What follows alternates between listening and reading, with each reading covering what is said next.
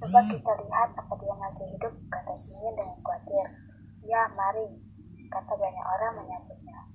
Mari kita minta lampu kepada Mokromo, ada seorang yang mengusulkan. Lalu beberapa orang menuju ke pintu Mokromo dan mengatakan kulunwon. Pintu Mokromo dibukakan sedikit, pencurinya sudah tertangkap, tanyanya dengan cemas. Sudah, itu dia terbaring di tanah, kami pukuli. Ia mencuri ketela Pak Sardi. Sampai ia jatuh, ketela itu tak dilepas lepaskannya. Pak Kromo, apa tidak ada di rumah?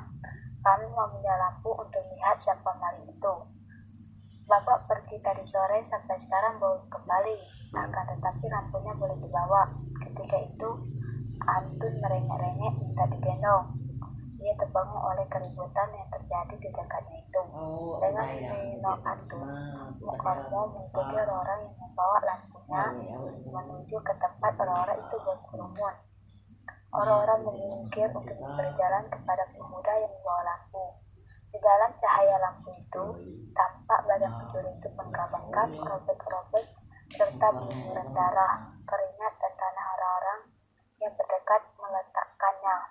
Nyala lampu itu menyinari wajahnya yang menyeringai, menakutkan. Semua orang yang melihat mundur selangkah.